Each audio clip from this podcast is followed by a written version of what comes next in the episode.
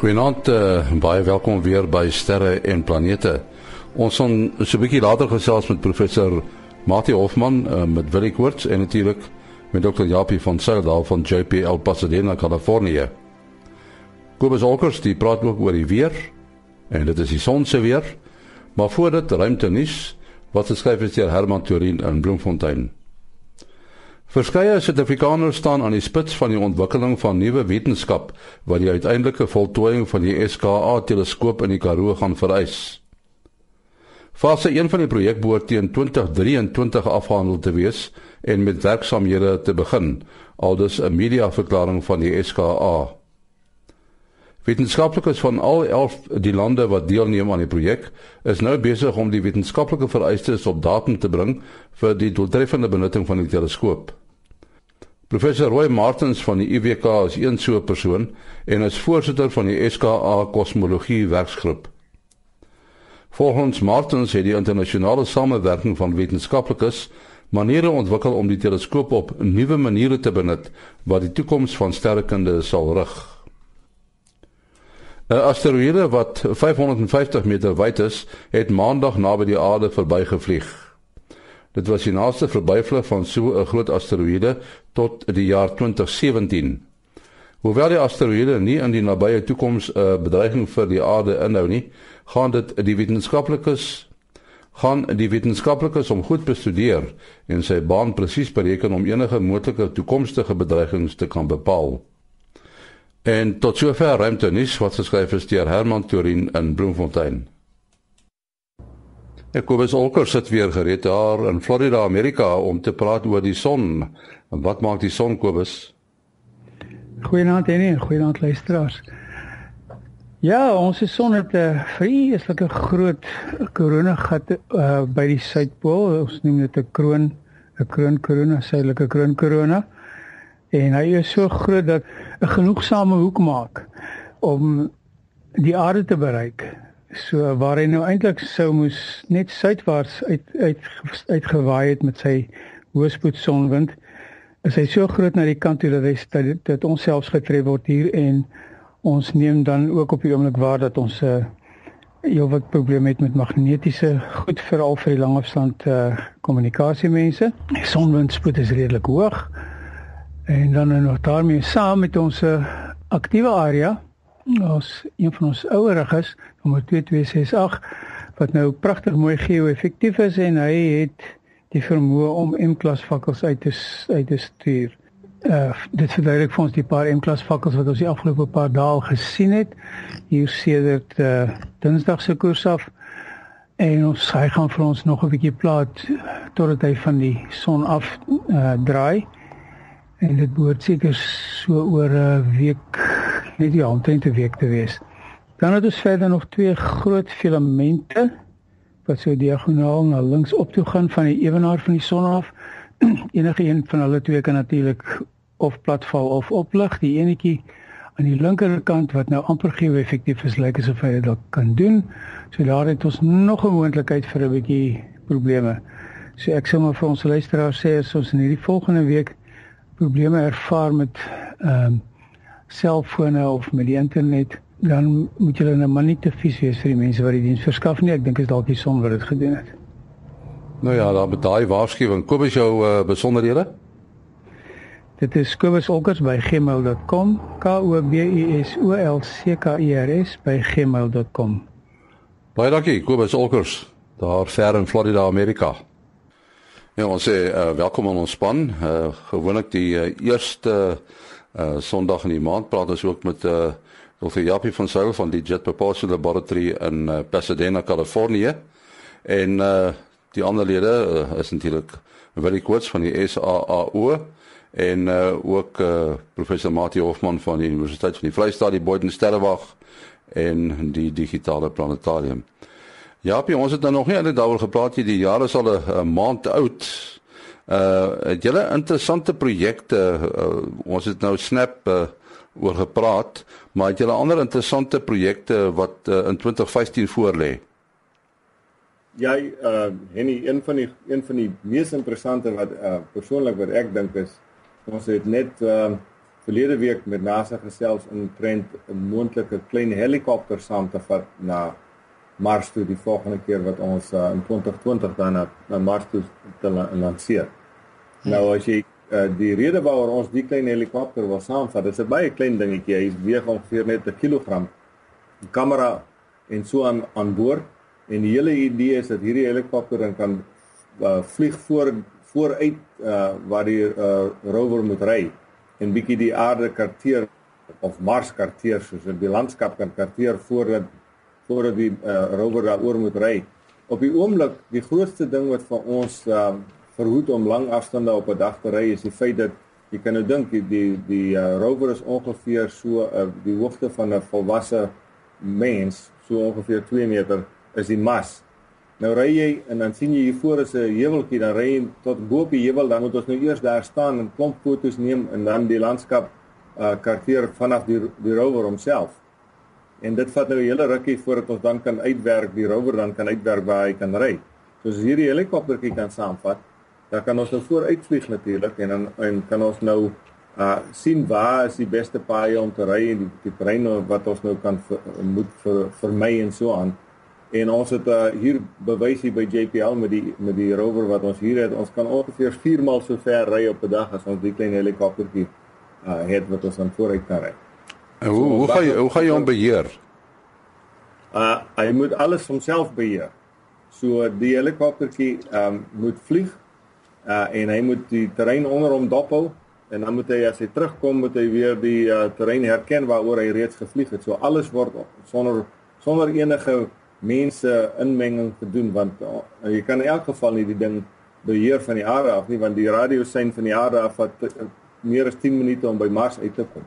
So as jy vir die helikopter sê gaan land nou hoor hy eers 10 minute later hy moet nog gaan. Ek wonder nou net uh Japie in watter opsigte sal die ontwerp van so 'n helikoptertjie nou verskil van iets soortgelykie op die aarde want die atmosfeer op Mars is mos 100 maal dunner as die aarde se atmosfeer. So dit klink vir my of hy baie harder sal moet werk.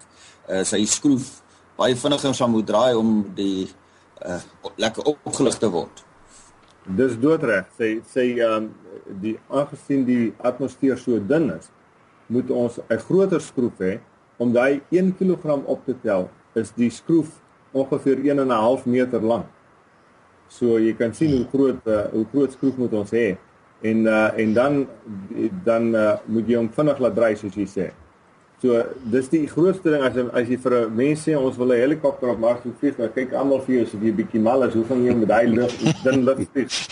Maar nou ja, ons het dit hier, ons het hier mos hierdie groot uh, plekke waar ons ons uh, satelliete toets waar mense die uh, al die lug kan uitpomp. So ons het die lug uitgepomp tot dieselfde dikte as atmosfeer as Mars en uh, bewys dat die ding kan 'n 1 kg oplig en dan uh, rondvlieg in die in die sogenaamde chamber wat ons hier het. Is dit nuuskierig oor die aandrywing so dit sal uit die aard van die saak nie brandstof wees nie so dit sal seker dan elektriese motors wat dan met sonkrag die batterye laai. Die liggaam van die helikoptertjie is nou glad nie 'n fancy vorm nie, is sommer net so 'n boksie. Uh en uh, so vierkantige uh uh so 'n kubus. En dan bo-op het jy nou die twee groot skroewe. Dit is nie soos 'n gewone helikopter wat 'n groot skroef voor het en 'n kleintjie agter nie. Hierdie een het twee groot skroewe en hulle draai in al in teenoorgestelde rigtings om mekaar te stabiliseer. Reg onder mekaar. En dan heel bo bokant hulle is daar so 'n lyk soos 'n platformpie soos 'n antennetjie. Dit is die sonpaneeltjie wat dan die batterye laai. En uh die ongeveer 60% van die massa van die helikopter is die batterye wat wat ons nodig het om hom te laat vlieg. En so die plan is hy vlieg uh vir so ongeveer 3 tot 4 minute elke dag en dan kom land hy weer So nie te ver van die rover af nie, maar ook al nie so dat die rover boor om ry nie. En dan sal ons die battery weer laai vir die volgende dag se vlug. As dit sê sonpanele. Ja, hy het 'n klein sonpaneeltjie op wat wat die ehm uh, wat die batterye sal laai. Uh uh ja, ek sê hulle nie van hierdie quadcopters uh ook kon oorweeg nie want uh die goed word nou vreeslik baie geadverteer so dit lyk of hulle baie effektief is en baie mobiel en uh goed beheerbaar. Ja, ons het daarna gekyk. Die groot probleem is aangesien jy die die die uh sal ek maar sê die lemme van die van die uh die skroef so lank moet wees, sal die quadcopter baie groot moet wees dan. want jy kan mos nie dat die, dat die uh, lemme in mekaar vas brei nie. So uh, 'n mens sal dan die ding baie groter moet maak en ons is uh, soos soos jy nou kan dink uh, uh, uh, soos ons sê real estate jy nou plek op die rover is is uh, is 'n premium. So hierdie dingetjie gaan sit aan die kant van die rover sit en sy sy lemme is is is opgevou terwyl ons nou Mars toe vlieg. En as hy daar land dan uh, dan skiet hulle nou so soort van oop amper soos 'n uh, jy weet soos 'n uh, soos 'n spring as 'n uh, veerbeleide uh, lemme is. Nou goed as jy as die uh, helikopter terugkeer uh, die fotos wat hy neem word dan afgelaai uh, en dan uh, teruggestuur aarde toe of hoe werk dit? Dis reg. Ja, daar's 'n radio verbinding tussen die helikopter en die rover homself. Want die, omdat ons so min krag op die helikopter het, kan ons nie direk met die satelliete van hom af gesels nie. So ons stuur al die fotos na die rover toe en die rover stuur dan die fotos via die satelliete wat om Mars wentel terug na die aarde toe. Nou uh, Japie uh, het uh, JPL iets te doen met New Horizons. Ons doen net vir New Horizons is is die deur die sogenaamde Applied Physics Laboratory gebou. Uh, uh ons doen vir hulle net die navigasie. JPL is die plek waar die um, uh sogenaamde deep space navigation doen vir alle NASA satelliete. So ons help hulle om daar uit te kom. Nou hulle is natuurlik nou um besig om uh binne die volgende paar maande sal hulle nou by Pluto aankom.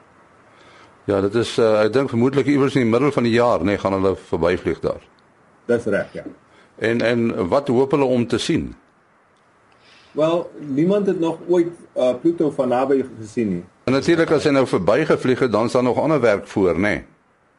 Ja, hulle hoop natuurlik nou om nog uh kyk Pluto word nou deesdae beskou deur uh, ek sou sê deur meeste mense as 'n sogenaamde Kuiper belt uh, voorwerp, 'n Kuiper belt object, 'n KBO. Uh hulle hoop natuurlik om van die anders ook van naby te kan beskou uh met die met die New Horizons satelliet. Uh hierdie hierdie helikopter wat jy van praat, wanneer is hy tog na na Mars toe? Wanneer is die volgende uh ek wil amper sê geleentheid om by Mars uit te kom? Ons sal hom in 2020 lanseer. Dis net nou. ja, ja vir, vir ons is dit sommer net nou ja, die manne raak al hulle kele begin al toetrek om te dink wat hulle begin nou regmaak. Met die helikopter pak. en en uh, jy jy is nou opgewonde hieroor en uh, soos ons gesê het 2020. Watter ander interessante dinge maak julle opgewonde van 2015? Jong 2015, die ander groot uh, projek wat ons hoop om nou werklik hierdie jaar te kan begin, uh so in die April maand se se se tyd is die sogenaamde uh, Europa Clipper. Dit is die uh, is 'n satelliet wat die maan van Jupiter Europa van naby gaan bes, uh, bestudeer. Ehm uh, dis natuurlik 'n interessante maan waar ons dink daar is 'n groot oseaan onder die onder 'n uh, yskors.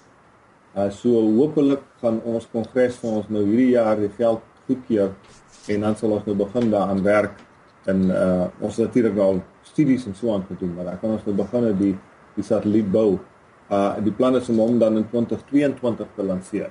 En uh dit is nou 'n uh, tuig wat op op Europa gaan land uh in dit is die ene wat nou homself gaan afboor in die ys of wat gaan julle doen? Jong, dit is nou nog 'n groot uh debat aan die gang hierso.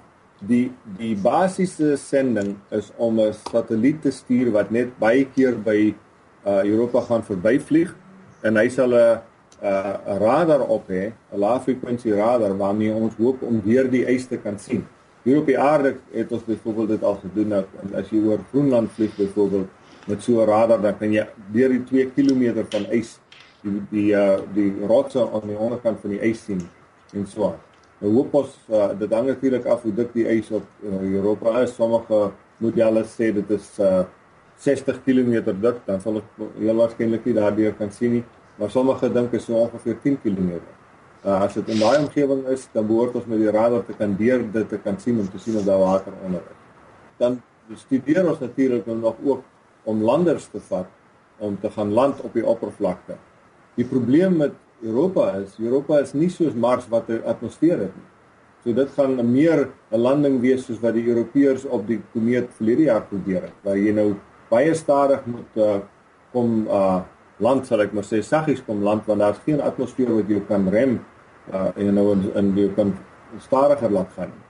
En die satelliet waar waarvan vandaan ons die lander gaan lanseer om te gaan land, trek teen 4 km per sekonde. So dit is 'n dis 'n giftige spoed waarmee ons verbygaan. Dan moet maar natuurlik genoeg uh um vuurpyle en so aan op die die lander hê om homself te kan stadiger te laat gaan naby die oppervlakte van die van die maan. So dit is 'n bietjie van 'n moeilike situasie. Maar die die oor die grootste voorstander is vir dit in in ons kongres wil natuurlik hê ons moet land in 'n gat boor. So dit dit gaan wel interessant wees. Ja, hy seker hy kom seker van Texas af waar daar olie is. Dis presies, hy kom van Texas. ja, ek sê dit kyk nou net die die die volgorde van uh uh Jupiter se maan is Io Europa Ganymede Callisto.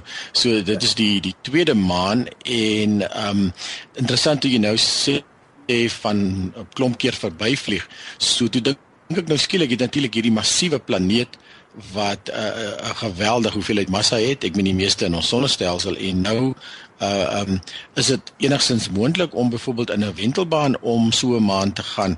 Uh ek dink nou 'n uh, soortgelyke situasie met hierdie komeet wat uh ISA nou eers net half saamgevlieg het omdat daar so min swaartekrag is. Uh hier het jy natuurlik nou die verskriklike swaartekrag van Jupiter waarmee jy moet kompeteer. So dis nogal 'n interessante sommetjie daai. Ja, mens uh, dis dis dis soos jy sê, dis 'n baie interessante som. 'n Mens kan in 'n wentelbaan gaan om Europa. Ons ons uh vroeër uh, die studies het ons beplan om dit te doen. Die probleem naby Jupiter is Jupiter het 'n verskriklike um groot um hoeveelheid uh radiation wat wat bestraling. Bestraling. So dit is ongeveer um 'n miljoen keer soveel as wat ons by Mars kry.